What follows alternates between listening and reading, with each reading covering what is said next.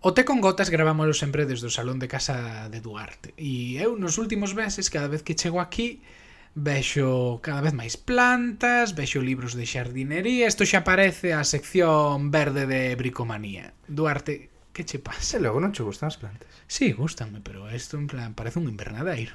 Bueno, hombre, pero isto sabes, como que absorbe todo o CO2 e así, pois a miña pegada de carbono é menor e podo me tomar un filete sin cargo de conciencia. A ver, pero vamos a ver, para que vos fagades unha idea do que estou a dicir, non ten aquí un cactus e un par de plantas, non. Que tamén ten, teño un cactus, eh. Ten un laranxo aquí en versión mini, eh, ten un cactus ali, eh, ten unha palmera Sí, creo que se chama agulla española ou algo así, pero Parece un xardín botánico destos da época victoriana. Bueno, bueno, xa vale de xa vale de falar das miñas plantas.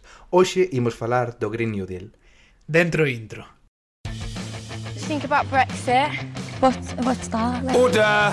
The nose to the left, 432. With the light, with the music, Very welcome everybody here. a Brexit question in English, if you don't mind. Bueno, no, hombre, no vamos a hacer. Venga, adelante. ¿Quiere usted hacer el puñetero favor de largarse de aquí y de... No va usted a hacer nada ya. Do you like a cup of tea? yeah, sure. Go on, have a cup of tea. Thank you, thank you. Hoxe no Te con Gotas imos voltar ás esencias do noso podcast que non era só falar de actualidade británica e Brexit Que non sempre é fácil. Non, non sempre é fácil.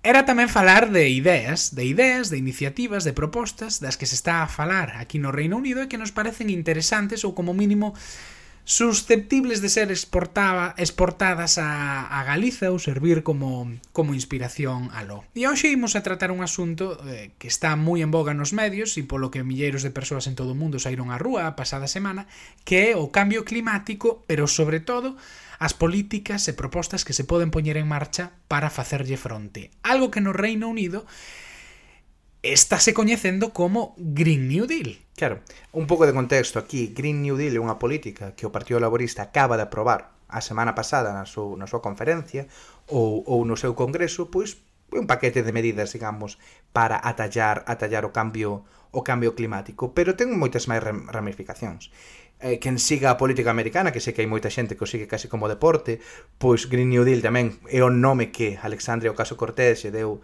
a unha proposta legislativa que iba, que iba nesta liña, pero que no Reino Unido xa se levaba falando disto, pois, dez anos, creo que desde que a New Economics Foundation, que foi un think tank progresista, sacou o primeiro informe de que se chamaba por un Green New Deal, un New Deal verde. Claro, isto non, non é só un apartado ecoloxista nun programa político. Isto pretende ser un cambio de paradigma e de feito o nome que empregan non é casual.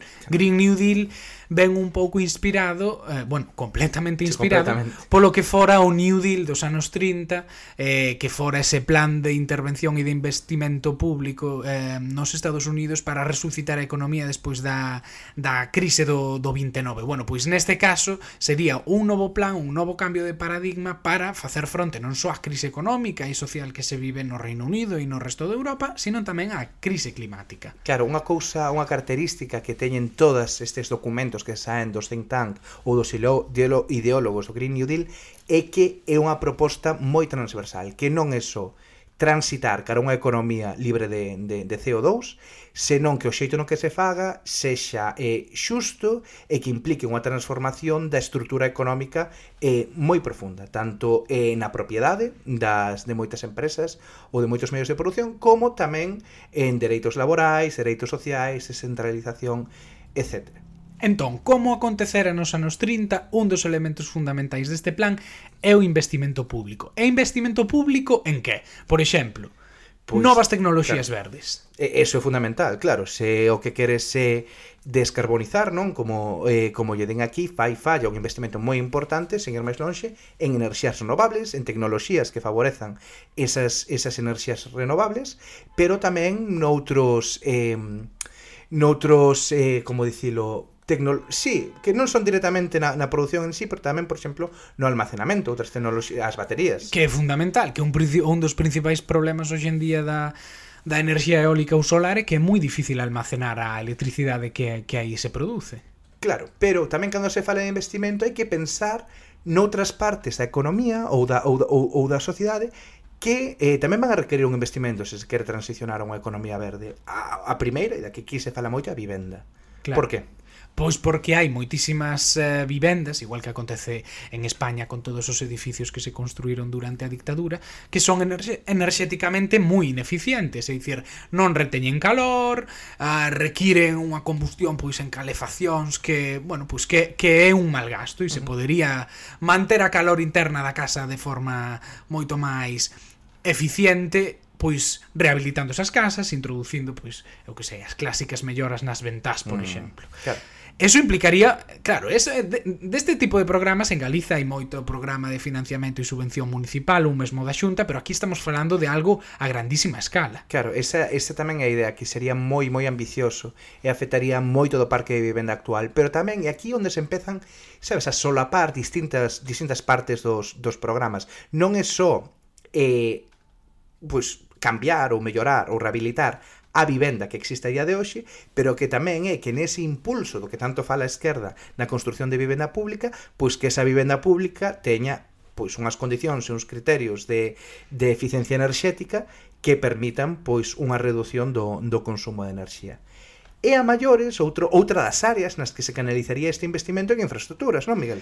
Sí, en infraestructuras, pois unha das principais propostas que, que se están a facer é a nacionalización do ferrocarril, por sí. exemplo, que aquí no Reino Unido despois dos anos de Thatcher foi privatizado, e en concreto empregar esa, aproveitar esa nacionalización para electrificar a rede de ferrocarril, facela moito máis eficiente desde o punto de vista ecolóxico, falase tamén pois da promoción de autobuses eléctricos, da promoción da, da promoción do vehículo eléctrico a nivel claro. privado tamén, que requeriría eh, pois un investimento moi grande en infraestructura e, e, e en axudas á, á compra de vehículo eléctrico, por entón, exemplo. Entón, como vedes aquí, vanse solapando distintas cuestións, é dicir, hai unha vontade moi clara de reducir as emisións de carbón, pero isto estáse relacionando directamente con outras partes do programa da esquerda neste país. Pois acaba de falar Miguel da nacionalización, eu falei antes da construción de vivenda pública, pero como se financia eso? É dicir, hai que tamén facer un cambio importante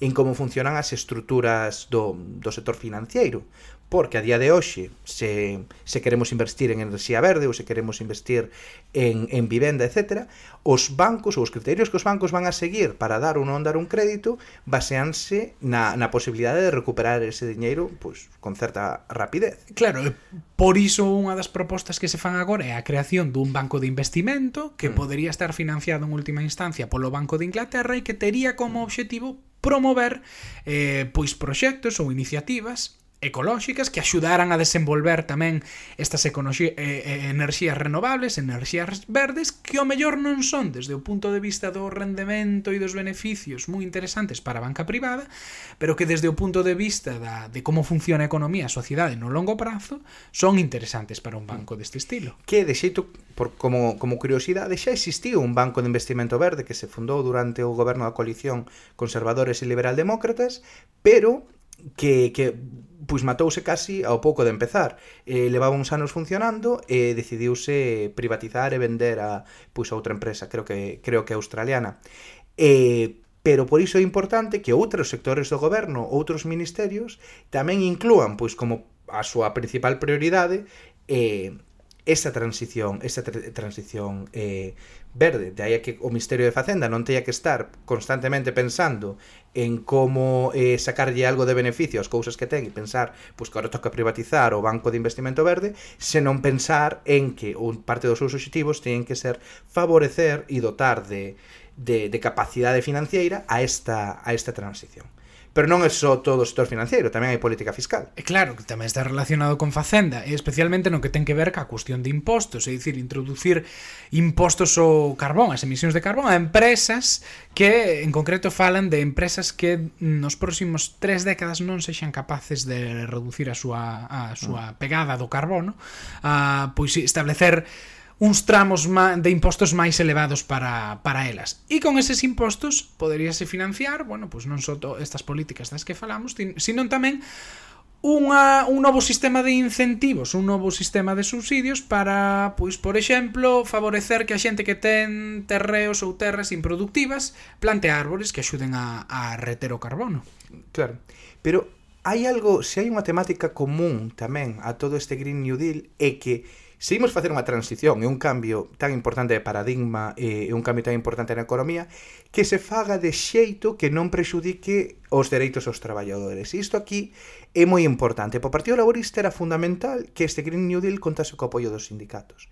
Porque aquí existe a memoria moi recente do que supuxo o peche do, do carbón, das, eh, sí, das minas das minas de carbón durante os anos de Thatcher, que foi pois un dos principais motivos, bueno, unha das principais causas polas que o Reino Unido reduciu as súas emisións de CO2 foi polo porque se deixou de utilizar carbón, pero iso eh, causou moito daño social eh, nas, nas vilas e nas cidades eh, mineiras. Entón, o que non se quere facer é que esta transición destrúa postos de traballo de calidade, sindicados e eh, con eh, bons salarios por postos precarios. Por tender pontes con Galiza e o conflicto que estamos a vivir claro. en Galiza nas últimas semanas na ca central térmica das pontes e que está a acontecer non só en Galiza, sino en todo o mundo. En Alemania, Alemanha, nos Estados Unidos, li outro día unha historia moi curiosa dos Estados Unidos dos traballadores dunha fábrica, creo que era en Pensilvania, uh -huh. bueno, non era unha fábrica, era unha planta química de gas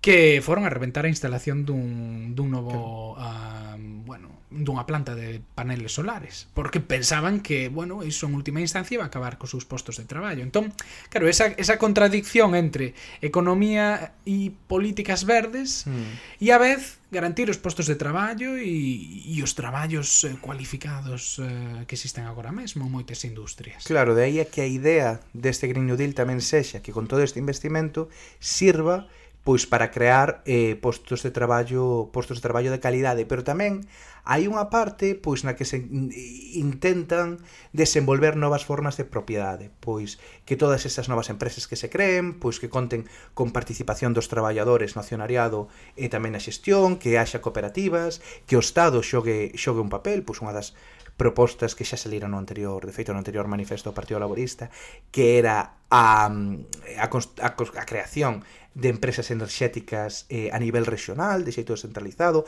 a descentralización tamén xoga un papel papel moi importante neste Green New Deal para evitar estas disparidades regionais que son tan grandes que son tan grandes no Reino Unido.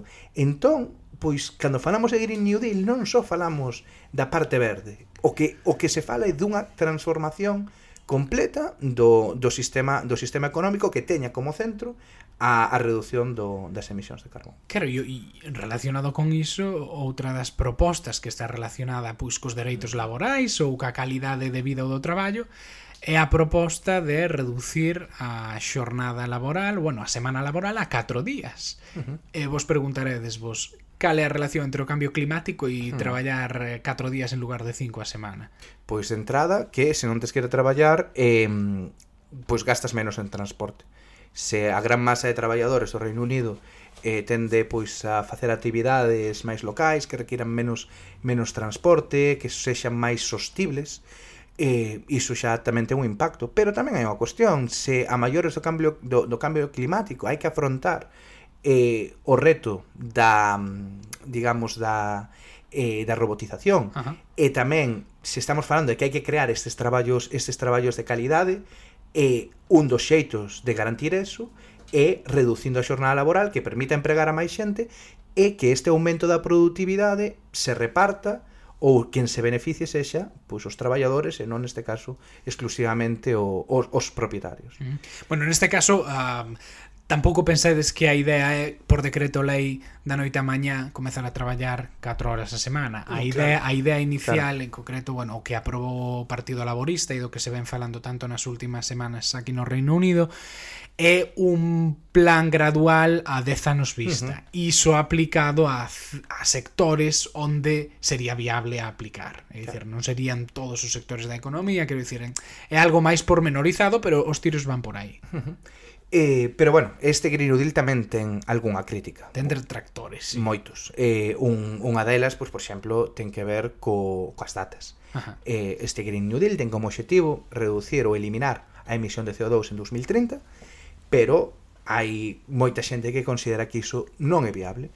De feito, a día de hoxe, a, a data límite para a reducción do, das emisións de CO2 é 2050. Fixou unha Teresa May pouco antes de, de marchar da oficina. Pero claro, é moi fácil, non? Eh, claro.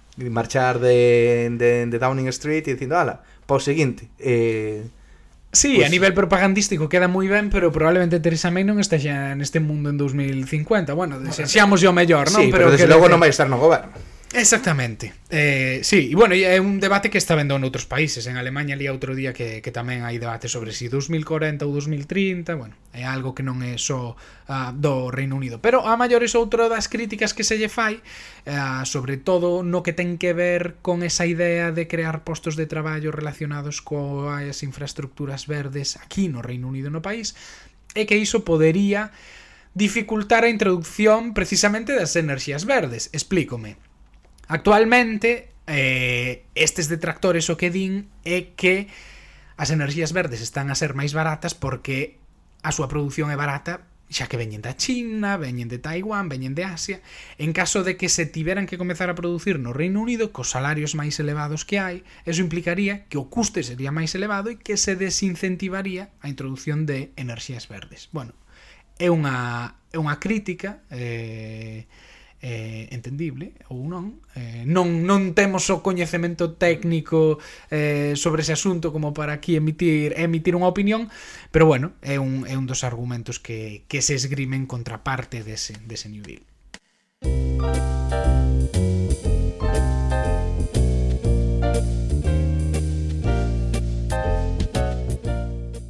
Pois para esta segunda parte do podcast, para a parte da entrevista, imos falar con cunha persoa moi vinculada ao mundo da, da política pública, da creación de ideas. Imos falar con Adrián Boa.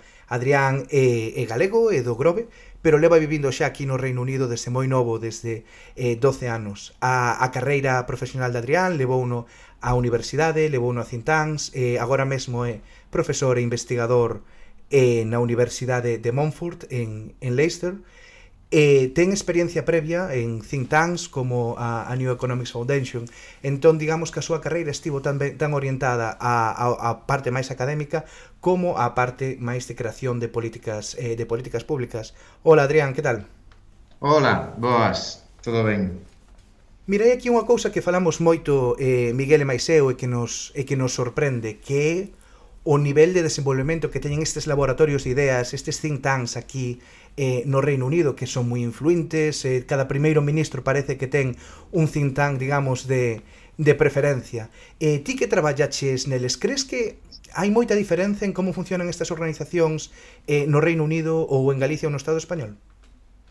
Pois a ver, non coñezo moito como funcionan no, no Estado español ou en Galiza, porque levo toda a miña formación profesional aquí, pero a miña impresión porque sí que he estado interesado no pasado en, en intentar pois voltar a, a España ou a Galicia incluso para traballar en esta liña. Pero a miña impresión é que, bueno, pois digamos o, o, o tejido de think tanks en España é bastante máis finiño do que en, en, en Inglaterra. Eh, entón creo que pois que non sei por non sei por que razones, eh, podo especular, pero non se han desenvolvido no, no, do mesmo xeito que, que se desenvolviron en Inglaterra. Creo que eh, podo falar máis sobre isto se si, si queredes, pero creo que a, a razón fundamental é que eh, eh, digamos as, as institución, a institución do think tank é relativamente anglosajona e tamén bastante vinculada ao desarrollo do neoliberalismo. Eh, eh, bueno, pois eh, Inglaterra, os Estados Unidos son países paradigmáticos en ese sentido, eh, pois esos son os dous países mundialmente, comenzando nos Estados Unidos, donde pois estas, este tipo de organizacións eh, comenzaron a desenvolverse. E como comentaba Duarte antes, ti eh, traballaches para a New Economics Foundation. Um, poderías nos contar algo do que foi o teu traballo na, neste think tank? Eh, pois sí, eh, eu traballaba basicamente en, eh, en comencei eh, algo ligado a, a ver, eu viñen de, de un, do, do meu doutorado, non?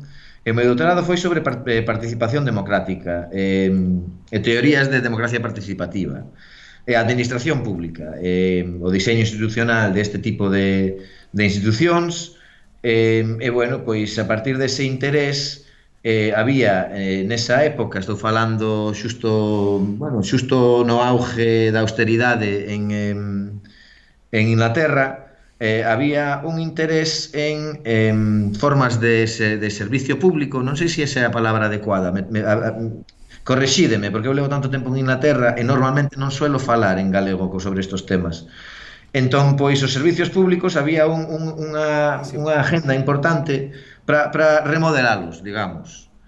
Eh, que, que, bueno, pois eh, a súa propulsión eh, o, o incentivo eh, político era por, por los recortes, non? Pois estamos recortando o estado de bienestar, pero hai necesidades que eh, eh, eh, continúan existiendo e temos que reformar os servicios públicos para poder continuar eh, pois eh, axudando a, a, a, a xente menos favorada pola sociedade. O New Economics Foundation eh, rechazaba eh, eh, a idea da austeridade, pero dentro de, de esos eh, marcos tamén eh, avanzaba unha idea de reforma de servicios públicos que rechazaba tamén, que tiña unha crítica tamén á forma máis paternalista antiguamente, non, do estado do bienestar que se basaba moito en pois en conocimientos técnicos, eh, era un paternalismo bastante elitista tamén eh, eh, ven de ese legado, desa forma de socialismo que máis descentralizado, e bueno, pois quería influenciar en esa, digamos, ámbito político, quería influenciar pois un, unha agenda de reformas eh, que fora máis participativa, que non rechazara o rol do Estado en, en financiar estas cousas, en apoyalas, que estaba en contra da privatización, e, e que non simplemente, bueno, pois pues, intentar que, que, que, que este proceso non simplemente fora eh, decir, bueno,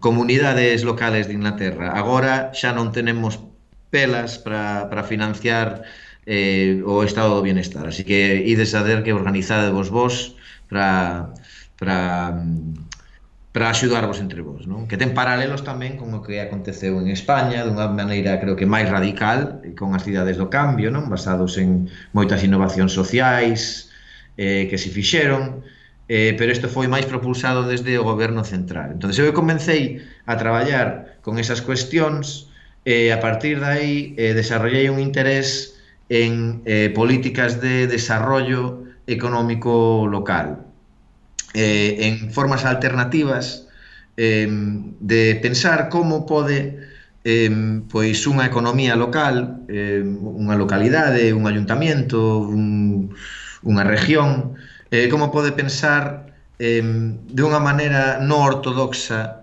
eh, en términos de desarrollar a economía dunha maneira que genere bienestar, que, man, que mantenga riqueza localmente, eh, xa escoitín o vosso podcast sobre o Preston Model que ten moito que ver con iso eh, e tamén que rechace este modelo económico que, que infiltrou a administración pública eh, a través dos contratos de a través do, dos contratos de servicios públicos. Eh, pois co, como se pode eh, pensar en fomentar unha economía donde eh, o ownership, non, non, non, non me lembro, propiedade a propiedade. a propiedade sexa máis descentralizada, non necesariamente en contra da propiedade privada, pero sí en contra da concentración de riqueza eh, e os monopolios, grandes monopolios capitalistas, que aunque eh, xeneren emprego nos sitios onde onde se meten, pois o único os únicos cartos que se quedan basicamente son os cartos que que teñen os empleados, que normalmente son bastante poucos. Eh, entón é mellor pois fomentar un tejido, digamos, industrial ou económico que sexa máis local, eh, que non actúe como, pois digamos, como unha aspiradora de recursos hacia os eh, mercados financieros globales, que onde acaban estos fondos cando entra Carrillo, no, cando entran as grandes empresas, G4S, a, a dar eh, servicios públicos. E digo eu, ti, cando, cando, está, cando empezaches a traballar para, para New Economics Foundation, quizáis empezáchelo a facer nun contexto político bastante distinto ao que temos eh, actualmente eu que xa levo tamén aquí vivindo non tanto como a ti, pero bueno, xa levo eh, case 10 anos eh, vin un cambio moi eh, moi grande, pois por exemplo cando Jeremy Corbyn foi elixido eh, líder do Partido Laborista, independentemente da opinión que se poida ter do seu liderazgo, si que ideas que digamos hasta hasta un determinado momento estaban escondidas nun caixón, pois que poderon empezar a ter eh, outro outro percorrido. Tides o think tank notaches notaches tamén ese cambio?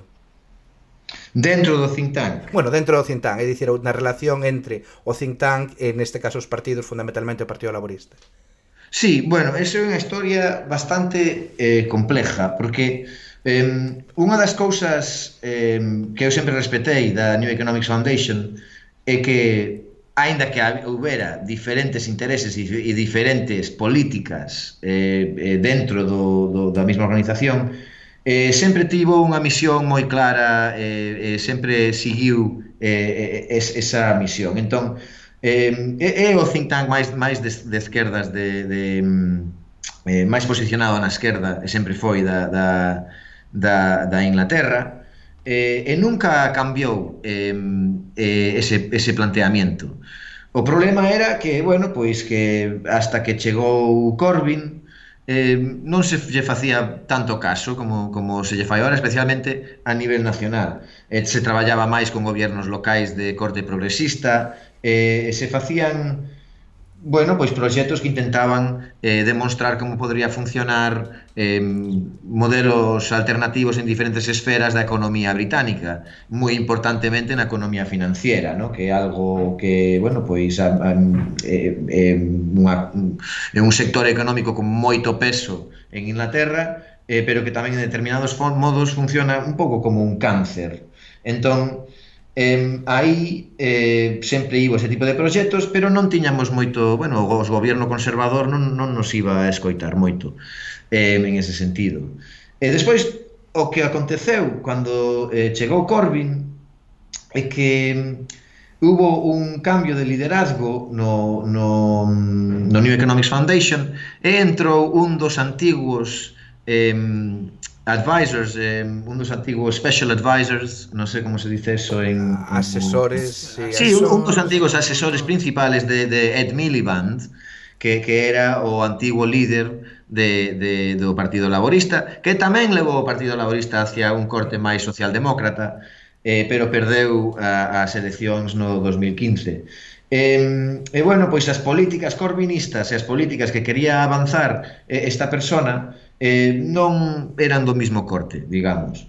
E aí Nef man, mantivo traballando na mesma liña, pero non hubo oportunidade de facer eh, de, de facer alianzas, de transferir coñecementos, de tener un máis impacto sobre as políticas eh, do Partido Laborista, especialmente nas políticas máis radicais que estamos vendo agora, que supoño que falaremos eh, nuns momentos, eh, hasta que chegaron as eleccións do 2017, donde todo o mundo pensou que Corbyn iba, inclusive eu tamén, eh, eu apoio a Corbyn, eh, que Corbyn iba a pegarse un batacazo, eh, e eh, isto iba a acabarse, non? Pero ao final non gañou as eleccións, pero eh, non, bueno, pois eh, fixo moitísimo mellor do que decían os eh, as, as encuestas.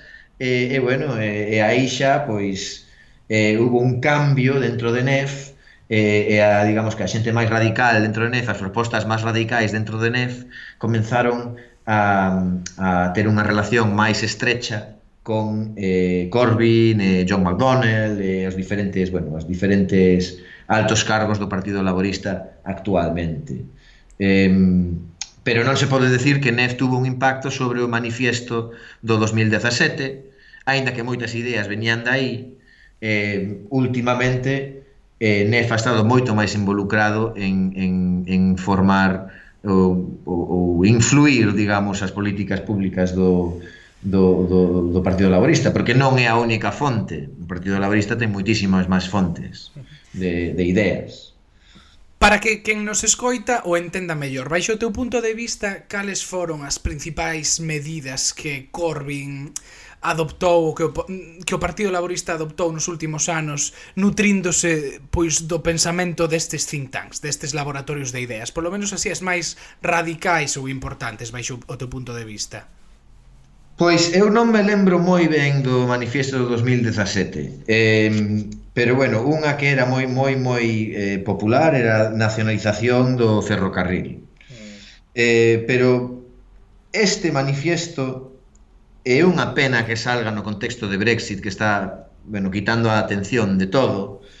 Pero este manifesto, bueno, non temos o manifesto aínda, pero bueno, no, na, na última conferencia hubo unha serie de votos sobre sobre diferentes políticas que se poden avanzar, que sempre chegan a ser un poquinho diluídas cando chega o manifesto, pero temos unhas medidas bastante radicais que poden facer, na miña opinión, un cambio bastante, non sei se estructural, pero pode levar a unha redistribución de poder e de recursos bastante importante. As que as que máis me gustan a min ou as que máis me saltaron a min, eh, bueno, primeiramente, que isto foi pintado na prensa de dereita como como unha confiscación de recursos do, do gran capital, no? das grandes empresas. Creo que a, a, a portada do Financial Times é que Corbyn vai a confiscar 300 billones de libras eh, para, eh, para dárselas a los trabajadores de las empresas. ¿no? Que al final les, les salió mal eso porque hubo mucha gente que pensó, bueno, pues confiscar o repartir, como lo quieres ver, ¿no?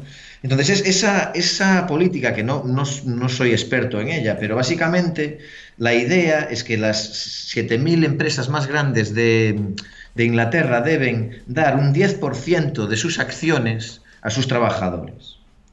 Eh, y eso es una política bastante interesante porque empieza a cambiar eh, los niveles de desigualdad dentro de, una empresa y también empiezan a democratizar la empresa, aunque sea basada en acciones y no en participación democrática, digamos, más estratégica en cómo funciona la empresa. Pero bueno, supongo que ya llegaremos a eso. Eh, y bueno, pues eso es una, es una política que, que a mi entender es, es, radical y tiene un potencial bastante grande hacia el futuro en, términos de, de generar un, cambio cultural, porque daría un beneficio directo económico a muchísimos trabajadores que podrían ver directamente que, pues, que el sistema político les puede aportar eh, pues una mejora material directa en su, en su bolsillo, digamos, ¿no? Eh, aún sigue con la idea de nacionalizar los, el ferrocarril, que para mí también es una cosa eh, necesaria. Vosotros vivís en Londres y sabéis que aquí se paga, bueno, se, se, se, se, paga muchísimo por, por un viaje en tren que en España igual te cuesta 10 euros, pues aquí igual pagas, si, si lo compras el mismo día, igual pagas 60 libras. Claro. Eh, y, eh, y bueno, pues también está la idea de de bajar dentro de 10 años, en un margen de 10 años, pues bajar a, a, una semana laboral de 32 horas o, cuatro días a la semana, que a mí me parece eh, una idea fantástica en el sentido de generar más empleo, también de dar más tiempo libre a la gente para poder emprender, sean cosas económicas o para poder formarse de otras maneras, ¿no? Eh, la gente en Inglaterra trabaja mucho y trabaja horas muy largas. Y también una muy importante, eh, eh, que se refiere básicamente a un derecho de compra que aún los detalles tienen que ser eh, tienen que ser definidos, pero darle un derecho de compra a los inquilinos de, en el sector privado eh, para que puedan eh, comprarle la casa a, a, lo, a los caseros eh, que tengan derecho de compra a, a un precio que no sé si va a respetar el precio del mercado, no, no sé dónde, dónde se ponen los niveles. Pero bueno, pero eso es una idea, unha idea interesante, porque outro problema... Que é darlle unha volta ao dereito de compra de, eh, de Margaret Thatcher cando, cando se privatizou o parque de vivenda pública. Exactamente, y ahí es a donde quería llegar, porque yo creo que eh, visto en conjunto, este programa se podría ver como eh, el equivalente del proyecto político-cultural que empezó a hacer Thatcher en los 80 Eh, Thatcher era una genia y con este tipo de ideas, el, el, derecho a la compra, eh, que era básicamente la habilidad, como, como has explicado, de, de, si tú tenías una vivienda social proporcionada por el Estado, que eso hasta los 80 existía en cantidades masivas en Inglaterra, pues tú tendrías un derecho a comprar esa casa, eh, básicamente pagándole un alquiler más elevado al ayuntamiento. Y bueno, pues es una forma de privatizar lo que antes era mm, un bien público y un derecho a- para los ciudadanos. Y así se fue privatizando el mercado de, de, mm, la vivienda, eh, que tuvo un impacto directo sobre la crisis del- del- del 2008, porque se empezó a especular con esas viviendas también, el precio de suelo empezó a subir, y bueno, un montón de cosas que, que contribuyeron a lo que es la política económica ahora inglesa, que se basa mucho en un precio de suelo muy elevado en Londres, eh, en el uso de crédito basado también ligado a eso. Y bueno, eh, pero lo importante, lo que quería llegar, es que eh, esa idea de right to buy eh, era, fue un toque de genio, porque eh, na realidade eso creou un cambio cultural eh, dentro de, da cidadanía británica. Eh, se, se vendeu como unha idea de liberdade, eh, e que o Estado, digamos, máis socialdemócrata estaba eh, pois eh, non permitindo que a xente se desenvolvera eh, porque non podrían pois acceder a comprar a súa propia vivenda.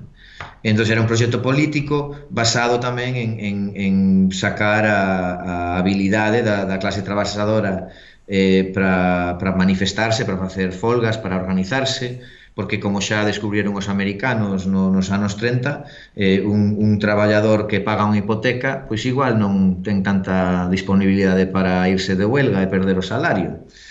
Eh, eu creo que, que estas políticas que están avanzando Corbyn teñen a mesma eh, teñen, teñen eh, o mismo elemento de dinamidade, desde que miran hacia o futuro, están intentando facer un cambio cultural, especialmente a idea de repartir accións eh, hasta os traballadores e tamén a idea de dar un derecho a compra aos, eh, aos inquilinos do, no sector privado. Creo que se podría demostrar moi claramente que, que un goberno de esquerdas eh, pois pode eh, levar a, a, a mejoras materiais moi importantes e moi directas e, e, e bueno, é un, un se chega ao manifesto será un manifesto pragmático eh, eh, que só falta máis pragmatismo na, na, na esquerda e despois claro eh, o Green New Deal eh, eh, que é un, bueno, pois un, sí, por iso un che, programa... Por iso che iba a preguntar agora, que precisamente antes Ajá. da, da entrevista, eh, faláramos do Green New Deal. Eh, ti que opinas? Porque unha cousa que nos sorprendeu cando líamos papers, bueno, cuestións que se foron eh, saindo do Green New Deal é un programa moi ambicioso que afecta a múltiples sectores da economía e a veces, pois discutindo Miguel preguntábamos realmente isto un programa eh, de transformación económica de semellante escala é viable que un goberno poida aplicar algo tan, bueno, digamos, tan complexo e que teña tantas ramificacións? Bueno, aquí Eu non sei tanto sobre as propostas concretas do Green New Deal, porque non é algo no que traballei. Entón, eh, entón, non sei que tipo de, de barreras eh, se poden enfrentar. Obviamente están os intereses petrolíferos, están os intereses energéticos. Eh, entón, esa, esa pregunta non a podo responder moi claramente. Eh, creo que, bueno, a nivel de financiación agora temos uns tipos de interés moi baixos. Eh, Boris Johnson isto acabou uno de, de aceptar agora acabou de, de anunciar que vai a mm, construir 60 hospitales se vai, bueno, se ha vuelto un keynesiano en toda regla. E, eh, eh, bueno, pois iso xa está aceptado. Entón a financiación non creo que, que, que seixa tan, tan complicada pero eh, en términos de como se afronta o que bloqueos pode ter eh, home, é un programa ambicioso. Creo que a idea é, é chegar a, a, a, a cero emisiones en, do, en 2030 eh, que, bueno, non sei se é técnicamente posible ou non, eh, pero creo que é unha ambición que necesitamos ter, porque como xa estamos vendo, eh, o, o mundo, bueno, o, o capitalismo está eh, saíndose das barreras ecológicas que lle impón o, o, o planeta. E, eh, eh, bueno, eh, eh, nos falan que queremos ter 3% de crecimento cada ano e que eso é non, que non é moito, pero 3% de crecimento cada ano en 24 anos creo xa é unha duplicación. E se si pensamos que podemos duplicar que cando xa estamos basicamente queimando o planeta, queremos duplicar eso en 24 anos e volver a duplicalo, creo que non que non que non é factible. Entón, bueno, eu eh, teño que creo que probablemente eh, eh, eh, vosotros le, le, estades máis sabedes máis sobre o, o programa concreto sobre o Green New Deal non é algo que eu sepa moito sobre os seus tecnicismos nin as propostas concretas pero estou a favor Antes eh, comentabas e falábamos do teu interese pola, polas políticas locais, que bueno, é algo que a raíz do Brexit está tamén moi moi en boga, falase moito pois de todas esas rexións do Reino Unido que foron deixadas un pouco de lado eh, eh, en, en, en comparación co que puido ser Londres, non? E a centralización que existe en torno a Londres. Eh, ti que analizaches o impacto das políticas de austeridade desde, desde 2012 no Reino Unido, cal foi o efecto que tivo na, nas comunidades locais? Home, pois foi eh, eh, devastador foi devastador eh, eh, eh, non quero ser eh, reduccionista nin determinista pero eu creo que foi Uh, si miramos agora o panorama do Brexit si miramos o voto do Brexit eso está, eu creo, directamente relacionado con as políticas de austeridade e tamén con os cambios industriais que empezaron a pasar no país desde, desde 1980. Eh, eu sou partidario da hipótese que se chama aquí, da hipótese que, que, que intenta explicar o voto do Brexit, do, do working class revolt, no? da, da revuelta de la clase obrera. Es decir, foi un voto de protesta eh, eh, creo que, que, que non me paso si diría que se si ti correlacionas a, geogra a geografía eh, do voto eh, a favor de Brexit eh, con eh, a geografía dos ganadores e os perdedores un de um, de, or, de a reorganización industrial, de, de a postindustrialización que se fixo en Inglaterra, que centralizou a economía eh, en Londres de unha maneira desorbitada, porque eh, a, eh, Inglaterra é un dos países máis centralizados e máis desiguales eh, no mundo, creo, eh, en Europa definitivamente, eh, pois centralizou aínda máis as oportunidades económicas eh, en, en Londres e no sureste do país, e eh, a austeridade empeorou esa esa dinámica histórica que xa existía. Eh, estas comunidades, principalmente no norte de Inglaterra, eh, xa levaban anos sendo ignoradas por eh, por as estrategias electorais do, do, do, do Partido Laborista con Tony Blair e con Gordon Brown, que basicamente asumían que estos votadores nunca iban a salir do Partido Laborista. Sempre van a votar ao Partido Laborista, entón o que temos que facer nós é preocuparnos máis eh, nos, digamos, nos votadores centristas que poden irse ao conser os conservadores ou poden, eh, poden virse para nós. E aí influenciou as súas políticas públicas e despois de tantos anos de ser ignorados, pois eh, eso pois eh, bueno, pois creou este efecto, metes un referendo no medio, como xa é unha cuestión na sabiduría básica da ciencia política é que moitas veces nos referendos a xente non está respondendo ao que pon na papeleta. Entón eu, entón eu penso basicamente que se si a papeleta pondría eh, eh, traído bien desde 1980 si eso es un sí nos quedamos con la Unión Europea. Si es un no estoy a favor de Brexit. Y la austeridad eh, Eh, crispó aún más el, país eh, en, en, esas líneas. Entonces yo haría una conexión directa con eso. Y por eso creo que las políticas de Corbyn, que bueno, pues que yo creo que haría una descentralización política y económica importante, según dicen, porque tampoco nos podemos fiar mucho del Partido Laborista, porque es bastante centralizador y tiene una historia muy centralizadora, pero bueno, dicen que apoyan al, al, modelo Preston y eso quiere ser un modelo que quieren generalizar en toda Inglaterra, pues yo creo que eso nos llevaría eh, gran parte a salir de, este, de, esta sociedad que se está convirtiendo tan polarizada, tan febril y, y, y bueno, pues, pues creo que creo que sería pues, pues muy bueno. Lo, lo, lo, lo, difícil es que, es que hay que salir de, de, este problema de Brexit antes de que se pueda enfocar ¿no? una campaña electoral en todas estas cosas. O quizás no tenga razón, quizás funcione, no lo sé, si, si no se habla de Brexit y se hablan de estas grandes medidas que están proponiendo. Bueno, e xa para rematar, e falando do local e tendendo pontes entre, entre Galiza e o, e o Reino Unido, antes falabas das, eh, brevemente falaches das mareas, das experiencias das mareas eh, municipais en Galicia na, no pasado mandato.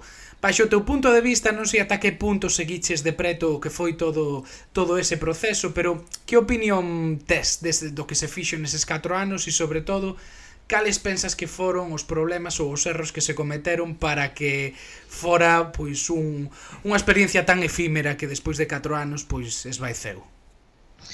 Me pregunta sobre Galicia con, concretamente ou Sí, España? pregunto, ne, sí, neste caso pois sobre Galicia e eh, Ferrol, A Coruña e, e Compostela. Ben, Santiago, sí. Eh, a ver, eu de Galicia estou da política galega estou bastante bastante aislado. Aforras disgustos? Supongo que sí.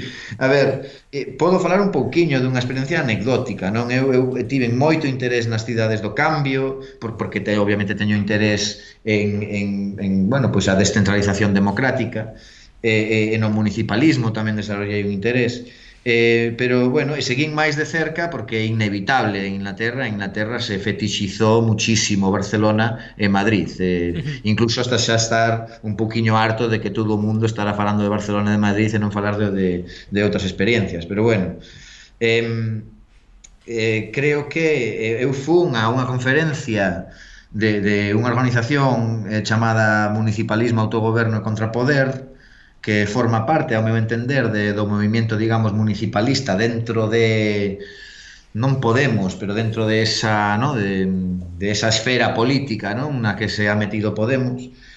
E, e bueno, o que vin eu eh, foi que aí, aí se reunían eh, se reunía moita xente eh, de académicos, eh, políticos, funcionarios de diferentes ayuntamientos que estaban intentando facer diferentes cousas como remuni remunicipalizar os servicios públicos, eh, bueno, X, un, un montón de, de, de, de iniciativas.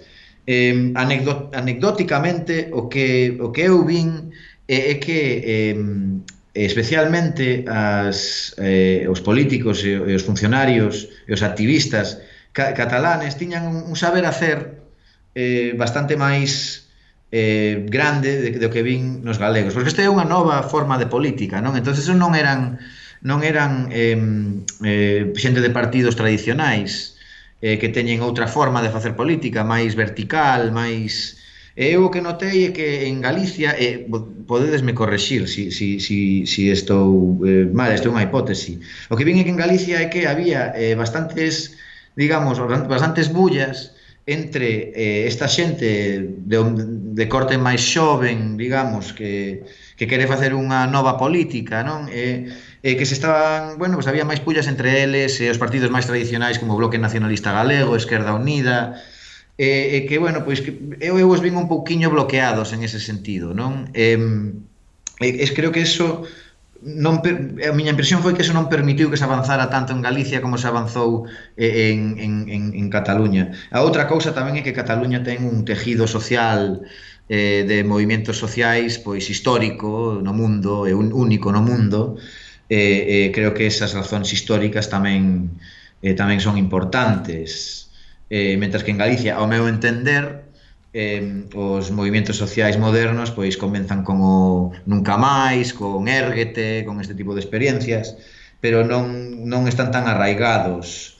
Entón, a miña hipótese, eu quería facer un postdoc sobre isto, e a miña hipótese de partida era que eh, este tipo de, de política máis horizontal eh, pódese avanzar eh, cando hai un contrapoder eh, grande eh, de, de, na sociedade civil, digamos, e que ten un saber hacer e unha, e unha cultura política máis amplia de, de horizontolismo, anarquismo incluso, mentras que en Galiza creo que, que tenemos outra cultura política que levou a un bloqueo entre diferentes formas de entendes, diferentes entendimentos de como se fai un cambio social, non? Eso é o que vin nunha conferencia, así que sí non é eh, un entendimento moi moi moi limitado. Eh, pero creo que, bueno, para, para a min eu eu vin un un presenciei unha, un, unha atmosfera de isto foi no 2017 eu presenciei unha atmosfera bastante de bajos ánimos de de defeat se, se me olvidou como, como falar de defeat de derrota, de derrota. E tamén de, de, de desilusión con Podemos, non? De, de que Podemos había virado en un partido centralizador e moitos dos candidatos, tanto candidatos que estaban gobernando como que estaban na posición, falaban que, mira, pois aquí a, a xente de Podemos se ha, ha virado en nosos enemigos, porque están facendo alianzas con Izquierda Unida, con non sei que, e, e os municipalistas, digamos, esta nova política que queremos facer, pois eh, non, non se está levando adiante. Que, que a meu entender foi, é unha pena masí, grandísima porque a meu entender as, as cidades do cambio foron mm, quizás non o único pero definitivamente o cambio máis grande que pudo facer o ciclo político que foi Podemos non? entón eso foi unha pena eh, gigantesca. Eh, e creo que tamén tuvo un impacto importante no, no deprimente resultado que tiveron no, no 2019 Pois con esta reflexión eh, quedamos, Adrián Búa, moitas grazas. Gracias a, eh, gra, gracias a vos por, por, por escoitarme, por darme a oportunidade de compartir estos, estos pensamientos. Moitas gracias.